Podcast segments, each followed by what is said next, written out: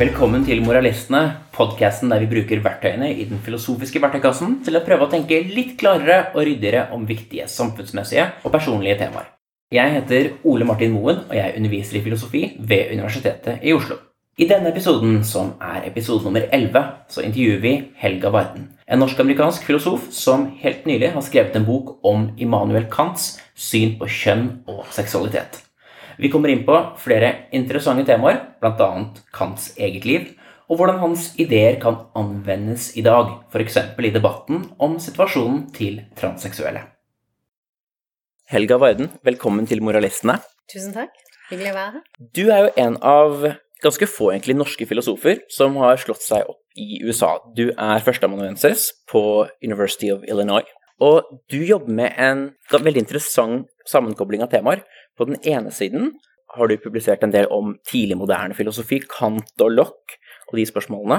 Og i tillegg så er du også opptatt av spørsmål knyttet til kjønn, seksualitet. Og dette er en sånn kombinasjon som, ikke, som i hvert fall ikke jeg tenker så mye på. Og du har en bok som snart kommer ut, som heter A Kantian Theory of Sexuality, som kommer på Oxford University Press, hvor du altså snakker om Kants seksualfilosofi, eller seksualteori. Og jeg har nok et ganske sånn naivt syn på Kant og seksualitet. Jeg har tenkt at Man kjenner jo til hans syn på homofili, f.eks., hans syn på onani, som bare synes veldig gammeldagse, trangsynte åpenbart gale. Og så har jeg tenkt at ja, men da er det sikkert ikke så mye spennende å hente rundt Kant og seksualitet. Men uh, der tar jeg kanskje feil, da. Vel, jeg skal prøve å argumentere i boken at uh, du kanskje tar feil, men det er ikke tilfeldig at du tar feil. Så Kant sier ganske forferdelige ting om homoseksualitet og onani. De er både naive, og utsagnet er ganske fulle av sinne. Så det er en vanskelig ting å lese. Det er spesielt vanskelig å lese også hvis du Ikke bare, ikke bare kjedelig å lese, altså det er ganske kjedelig å lese for de fleste som har glede av seksualitet, eller som er oppriktig involvert i mer komplekse former for kjærlighet. Så på den ene siden kan det virke bare kjedelig, men jeg tror at de fleste hvis liv det, det omfatter det han snakker om, så er det ikke bare kjedelig. Det er også faktisk emosjonelt ganske vanskelig. Og så jeg tror at din eh, reaksjon er typisk, eh, og den kommer fra en helt uh, sunn plass. Så noe av motivasjonen min for å skrive om det uansett, eller likevel, er at på den ene siden, hvis jeg kan forklare filosofisk hvordan Kant, som er så utrolig flink, og for den første i historien, til å klare å tenke seg en moralfilosofi som er grunnlagt på frihet, samtidig klarte å ende opp i en sånn plass der han er sint og nedverdigende og skriver forferdelige ting om andre mennesker fordi at de elsker på en annen måte enn hva han klarte å forestille. Men det man kunne tenke seg, da, at, uh, er jo at Kant ser på ikke sant? Han har disse strenge prinsippene sine, en måte, kan man si. Så greit, du kan ikke universalisere en handling. Så du kan ikke bare ha Hvis det er bare menn og menn som er sammen, og kvinner og kvinner er sammen, så blir det ikke noe barn, f.eks. Men det er ikke det som gjør at han er sinna på homofili? Nei, jeg tror jo ikke det. Sant? Så hvis det bare var at han hadde et eller annet sånt abstrakt syn på det, som gjorde at han hadde de meningene han hadde, så hadde han nok bare syntes at det var mer kjedelig eller noe sånt. Eller det var eh, Nei, det tror jeg er feil. Ikke sant? Og, og, han ofte snakker jo mer sånn om kvinner. Selv Han sier jo også rasistiske ting, spesielt i tidligere verk, og han er ikke sint da heller. Men han er veldig sint når det gjelder homoseksualitet eller seksualitet generelt sett, også onani. Så for meg, på en side så er det hvis man orker, og jeg er jo veldig fascinert av kansk frihetsfilosofi, så veldig lenge, og siden jeg var graduate student, så var det nok et mål i seg sjøl om jeg kunne finne ut av hvorfor.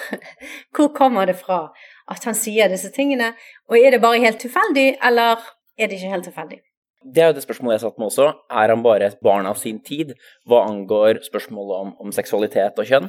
Eller er det en slags dypere, mer interessant sammenheng da, mellom hans filosofiske ståsted og hans konklusjoner om kjønn og seksualitet? Altså at man på en måte kan skjønne hvordan han kunne havne der. Du ville at han kanskje skulle havne et annet sted, men er det på en måte en, tenker du at det er, det er en litt dypereliggende forklaring på hvorfor, som er utover det bare rent kontingente og historiske, som kan forklare hvorfor Kant hadde det synet han hadde på seksualitet? Noe av det er nok kanskje litt historisk, på den måten at det var nok en trygg plass å være. Å si eh, at homoseksualitet og onanering er forferdelige ting. Det tror jeg var ganske trygt i samtiden. Men i boken så argumenterer jeg for at det nok kommer fra et, også et personlig sted, som nok uttrykker en grunnleggende usikkerhet omkring det. Så jeg argumenterer på den ene siden at hans egen filosofi, når du ikke bare leser hans frihetsverker, men du leser hele alt det han skriver som er relevant, så også hans teori om hva den menneskelige natur er, så burde han ikke endt opp der han gjorde. Og han burde i hvert fall vært veldig forsiktig, gitt hans egen filosofiske posisjon. På den annen side, så, som mange av oss vet, så de som er sintest på oss, de ofte er usikre omkring noe med seg sjøl. Og vi vet også at uh, de som er farligst, noen ganger de som sjøl elsker på samme måte, eller på en måte som ikke er sosialt akseptert. Det er en av de tingene man må bare lære å leve med. At um, noen ganger er de som hater oss mest, det er de som faktisk også elsker på en måte som ikke er sosialt anerkjent. Så er påstanden at Kant muligens var selv homofil?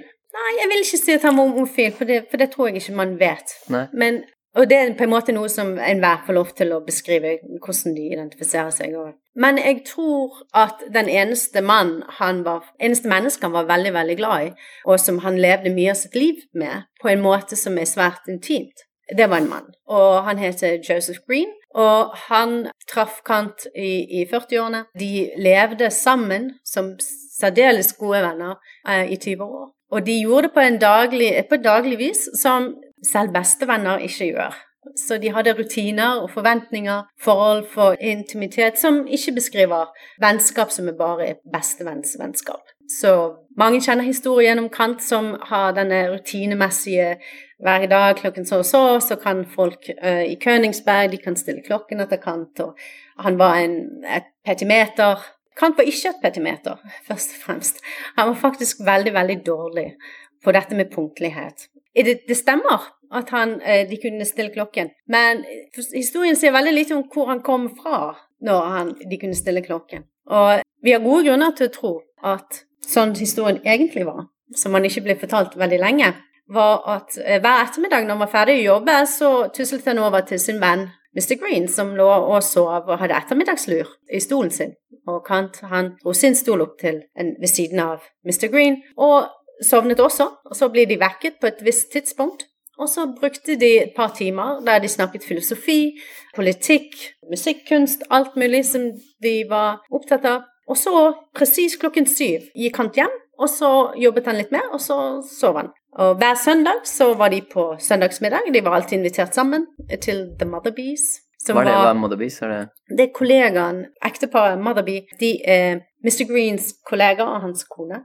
Mm. Så de var gode venner, og der var de og spiste middag hver søndag. Så det var måten de levde på. Og Mr. Green var svært punktlig. Var han som inspirerte Kants uttalelser om hvordan han hadde lært at punktlighet var flott. Mr. Green leste alt filosofisk som Kant skrev. Han leste hver setning i første kritikken mens den ble skrevet. Han var nok noe av grunnen til at Kant er mer leselig enn han ellers ville vært. Og når eh, Mr. Green døde, så trakk Kant seg litt tilbake fra livet, på den måten som sørgende gjør. Og det var mange ting han ikke ville gjøre lenger, for de var de tingene som de hadde gjort sammen. Og jeg tror at Jeg vil ikke putte en, en beskrivelse på det, det syns jeg er litt feil mange måter å beskrive det på, men jeg tror at den måten å leve sammen med noen andre på, er blant de som bryter litt med reglene. Det er fantastisk fascinerende. Og det jeg lurer på, er da, er, kommer disse da, ytringene hans om eh, homofili og slik, kommer de etter at eh, Mr. Green dør, eller er de mens? Nei, de kommer litt over he så hele ikke, veien. Så det er ikke sørgende, det er ikke det som nei, er sånn nei. nei. Men sånn jeg tenker det der, da, hvis du, hvis du veldig grunnleggende tilfreds med deg sjøl seksuelt, eller måten du er glad i andre på. Og dette er noe som du har som en uproblematisk aspekt ved deg sjøl, og du kan realisere det på en måte som gir god mening. Så blir du ikke sint på andre når de gjør noe som bryter litt. Så jeg tenker at sinne det er et godt tegn på at noe ikke er helt bra. Og jeg tror at Kants sinne kommer fra at det var en bit av livet som han var veldig ukomfortabel med, av hvilken som helst grunn. Og han fikk det aldri helt på plass. Og ergo så kommer sinnet der det kom. Og det er trist, men det er ikke noe nytt heller for de av oss som lever sånne liv. Vi vet akkurat at det kan komme fra den plassen, eller det kommer fra den plassen. Og noen ganger fordi at det kommer fra en plass der vi forstår, faktisk. Mm. Det er vanskelig å leve på en måte og være glad i andre og, og sårbar på den måten, og ikke få det til. Mm. Eh, Så jeg tror vi vet det. Vi kjenner det. Og kanskje det er derfor jeg også har tålmodighet med Kant og orker å ta jobben med hvordan å prøve å vise menneskekant, eh, som også ikke fikk dette helt til. Og prøve å fikse teorien, dvs. Si, ta vekk feilene, og vise hvorfor, hvis man tar vekk feilene Ikke bare kan jeg forklare sinnet, jeg kan gjøre det med Kants egne filosofiske grep, men jeg kan også vise hvorfor noe av det innsikten han har allikevel, tross feilene, er svært viktig når vi skal prøve å forstå kjærlighet og seksualitet i dag. Veldig spennende perspektiv du anlegger. Jeg tror man ofte tenker litt om filosofer at de tingene de skriver om, det på en måte uttrykker hvem de var, og egenskaper ved bøkene deres er veldig nært hvordan egenskapene de selv hadde. Men du kan jo også anlegge det motsatte perspektivet, at dette på en måte sier noe om deres indre kamp, om hvem de vil være, hva de er skuffet over, hva de, hva de selv på en måte trenger å tenke på. da. Og det er en sånn, si, interessant vending da, i, i tolkningen f.eks. av Kant. Men hvis vi da går litt fremover til dagens verden, da, og vi tar på en måte for gitt et slags kantiansk rammeverk innenfor, si, kanskje innenfor teoretisk filosofi, og også innenfor praktisk filosofi, altså innenfor etikk. Hvordan er det vi med det utgangspunktet burde tenke om pågående debatter om kjønn, om seksualitet, om homofili, om ekteskap? Hvordan er det Kant kan hjelpe oss i de diskusjonene? Sammen med en kollega, Patricia Marino på University of Waterloo, så har hatt ansvar for en Society for Philosophy of Sex and Love de siste ti årene. Så, og Det betyr at jeg har vært uh, heldig å kunne høre på svært mange fantastisk gode talks som er gitt innenfor Society for Philosophy and Sex and Love. Det er en tendens i og visse puzzles, visse ting som vi ikke helt får til snakket om, eller gripe med våre begreper, i Philosophy of Sex and Love. Og litt overdrevet, men også for at jeg skal kunne klare å prøve å vise hva jeg mener vi kan. Så det er en, en gruppe teorier ønsker å forklare svært mye om seksualitet med appell til valg. Eh, Det kan enten være type free choice, så fritt valg, gjøre det vi vil. For meg så er Simone de Beauvoir en, en type teori av, den, av det slaget. Så en slags eksistensialisme. Hvis vi bare klarer å få et fritt samfunn, så velger vi veldig fritt. Og vi velger alle eh, i prinsippet fra dag til dag, men vi bare velger det vi føler for.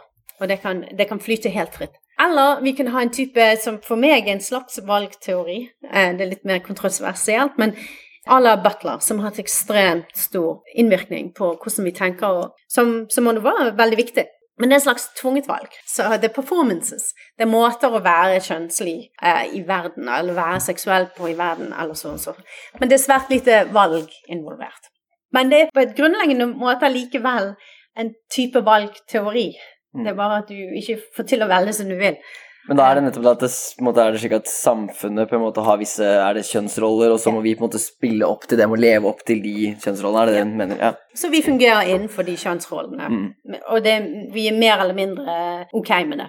På den annen side så er det en gruppe teorier som argumenterer på den måten at du skal kunne bevise dette vitenskapelig på en eller annen måte. Seksualitet Hvis vi kan bare gi et bevis som er vitenskapelig, så er alt i orden, for da var det jo ikke valg allikevel. Så nå har folk som leter etter the gay gene. Du prøver å finne noe som du kan bevise vitenskapelig, bestemmer din seksuelle orientering eller identitet. Og hvis du finner det, så har vi løst problemet. Så hvis du putter kanthatten din på, så betyr det at enten så må vi finne løsninger som er i samsvar med andre kritikken, eh, kritikk av den praktiske fornuft, eller vi må finne løsninger som er i samsvar med første kritikken. Kan du si litt kjapt om det for de som ikke er helt uh... Andre kritikken, kritikk av praktisk fornuft, er også den som de fleste i Norge har lest noe i nærtid. Er meg grunnlaget for metafysikkens moral. Det er på en måte oppvarmingsboken til andre kritikken, og handler om frie valg, hvordan frihet er, hvorfor det er vi kan være fri, og det kategoriske imperativ, og hva er det med den måten vi har praktisk fornuft på, sånn at vi kan være ansvarlig for våre handlinger. Og det er veldig mye en analyse som består av hvordan kan det ha seg at vi er fritt vesen, hva det betyr. Eh, Førstekritikken er kritikk av den rene fornuft, som er Kants filosofiske kritikk av, litt forenklet, men alt som vi kan erfare i tid og rom. og også da et slags filosofisk analyse av det som gjør naturvitenskapen mulig. Begge typer analyser forsøker å forklare hvordan det har seg at vi kan ha objektivitet, både i forhold til moral og i forhold til vitenskap. Hvordan det kan være at ting er rett og galt, og hvordan ting kan være sant eller usant om hva som finnes i verden. Så hvis man ser disse analysene av, av seksualitet i, og bruker det perspektivet, så enten blir det fritt valg, og så blir det et eller annet om rett og galt i forhold til det.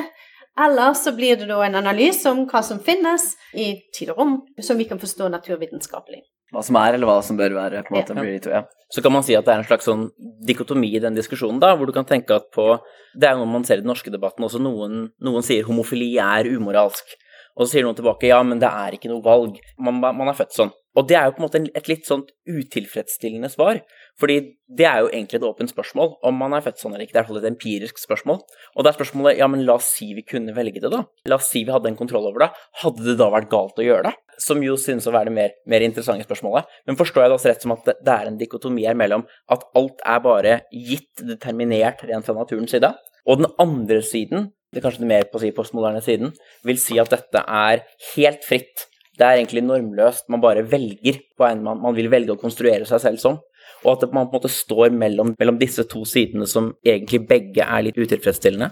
Ja, og at du kan si, F.eks. For i forhold til Butler også, så en av kritikkene som hun anerkjenner i dag, eh, har kommet i forhold til hennes analyse av hva det er å være trans. Og helt fra begynnelsen så har LGBTQIA sagt at eh, seksuell orientering, seksuell identitet, er verken bare et valg eller gitt. Ikke sant? Så hvis du i forhold til Butler, så kan du si at hvordan kan hun forklare hva det vil si å være trans?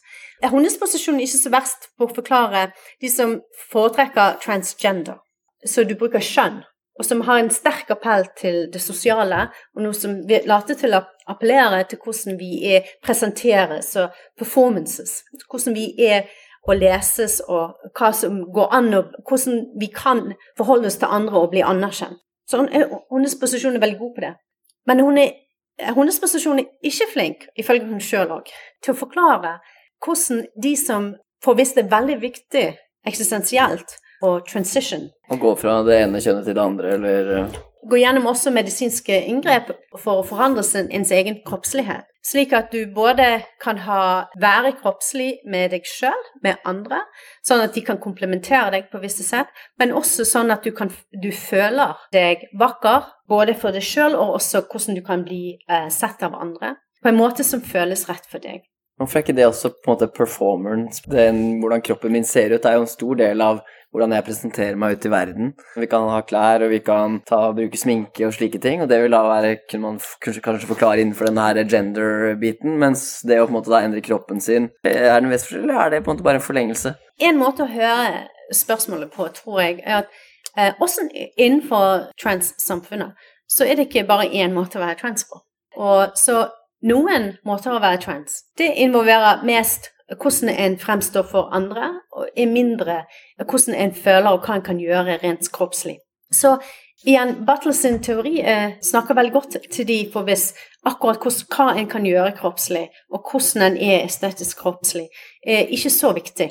Det vil si, følelsen kan være viktig, men det faktisk man kan gjøre, er ikke så viktig. Mm. Det er så mye vanskeligere å forklare, eller sagt det motsatt.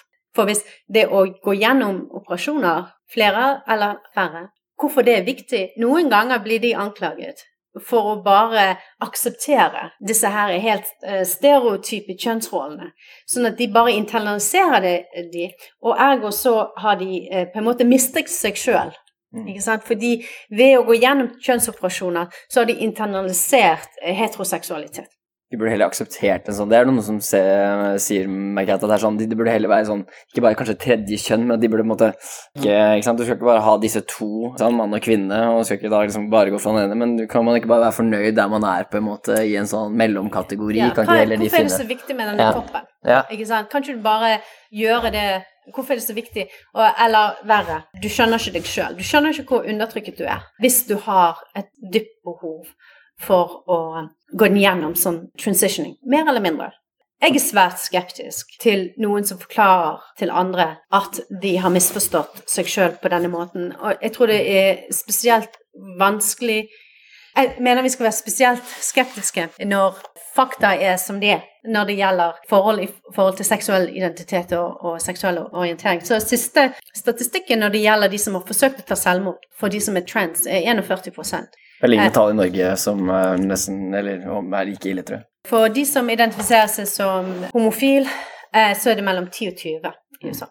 Så for meg som filosof så er det svært viktig. Så en feil måte å være moraliserende på er, tror jeg, å ikke høre de mennesker som man beskriver med sin filosofiske teori, ikke la de få lov til å snakke for seg sjøl. Vår jobb er ikke å snakke for dem, eller å forklare til andre at du burde være og tenke eller føle på en annen måte. Og når du, når du har fakta som er sånn at å ikke kunne få lov til å utvikle eh, seg sjøl på en måte som føles dypt godt, når det er faktisk mulig for å ha så høye selvmordstall, så i seg sjøl så er et stort rødt flagg.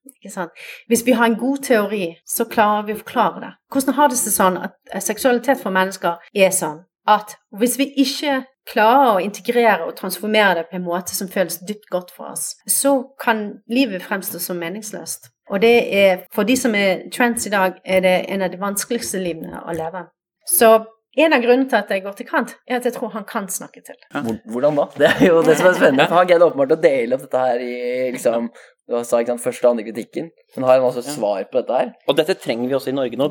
Transsaken er blitt ganske stor i Norge nå, så her trenger vi på en måte at Kant kommer litt til unnsetning. Det var en demonstrasjon foran Stortinget for bare to dager siden som angikk dette. Det har vært mye debatter også knyttet til Rikshospitalets behandling av transpersoner. De sier nei til det store flertallet, 80% kanskje mer enn det også, av de som ønsker en kjønnsbekreftende operasjon, og blir av transaktivister og sett på som svært paternalistiske. Og, så dette er på en måte noe som, noe som vi gjør, noe som vi har en stor debatt på da, i Norge. Så sånn, hvordan kan Kant hjelpe oss? Du har jo indikert litt allerede, men hvordan, hvordan kan han redde oss ut av uføret?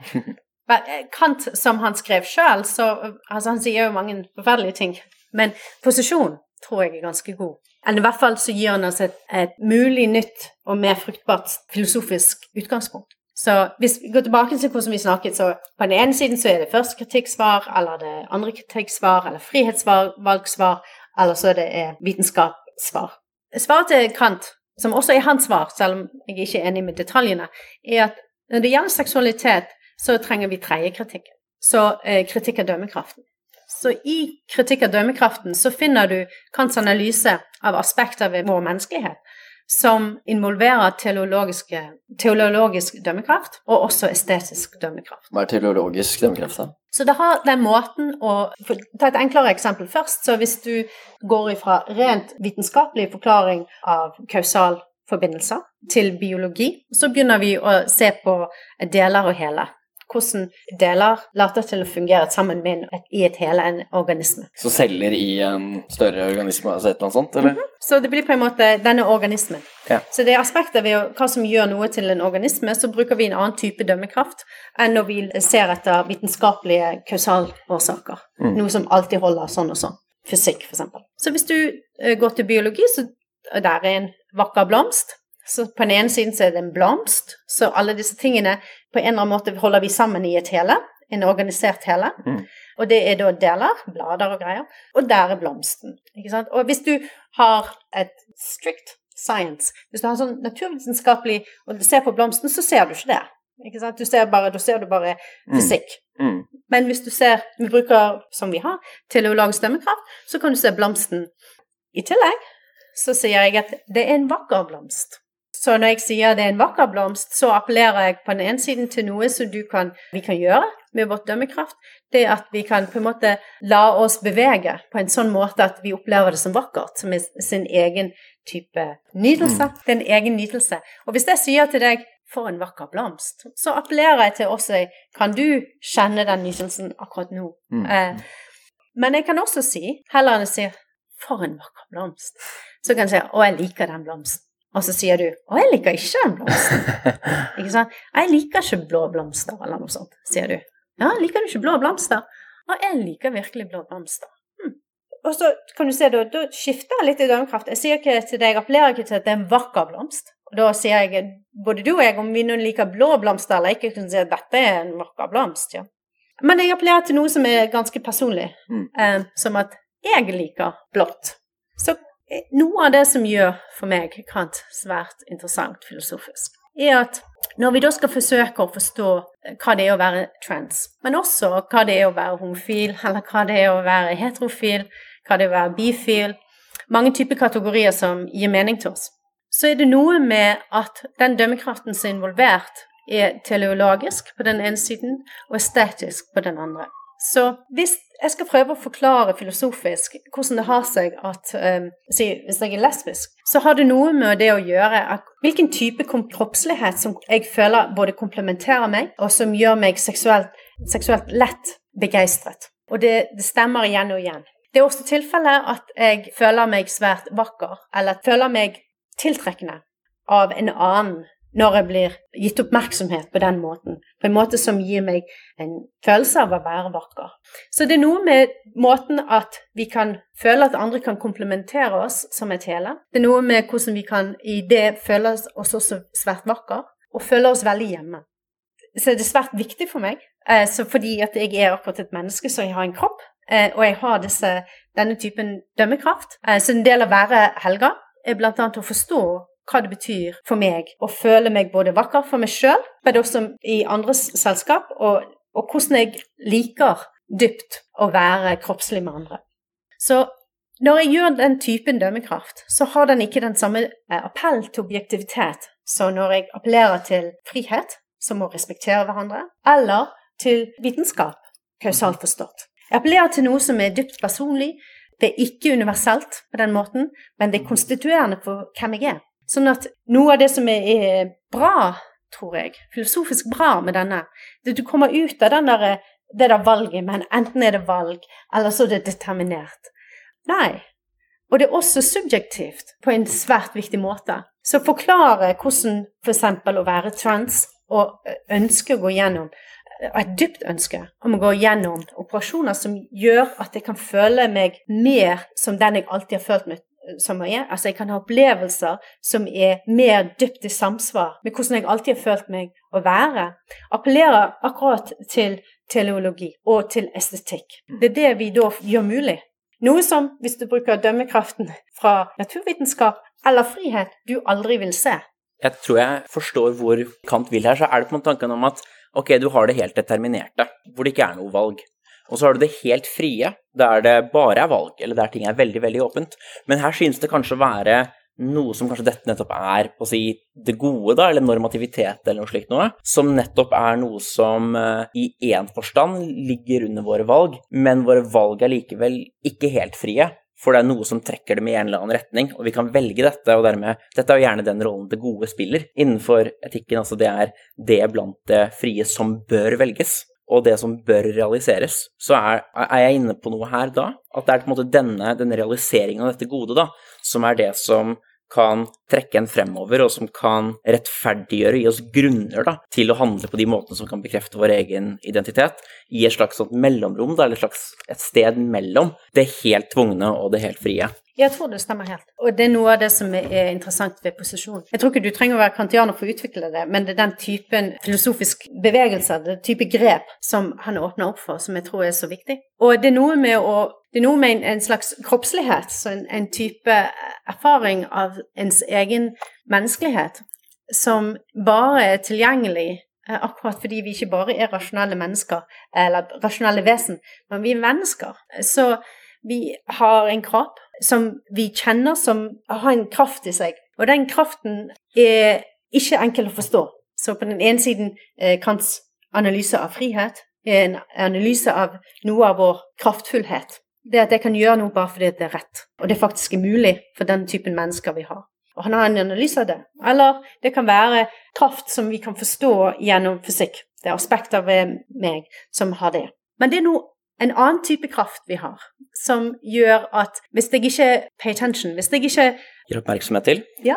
Hvis jeg ikke har det med meg, så går jeg også glipp av meg sjøl.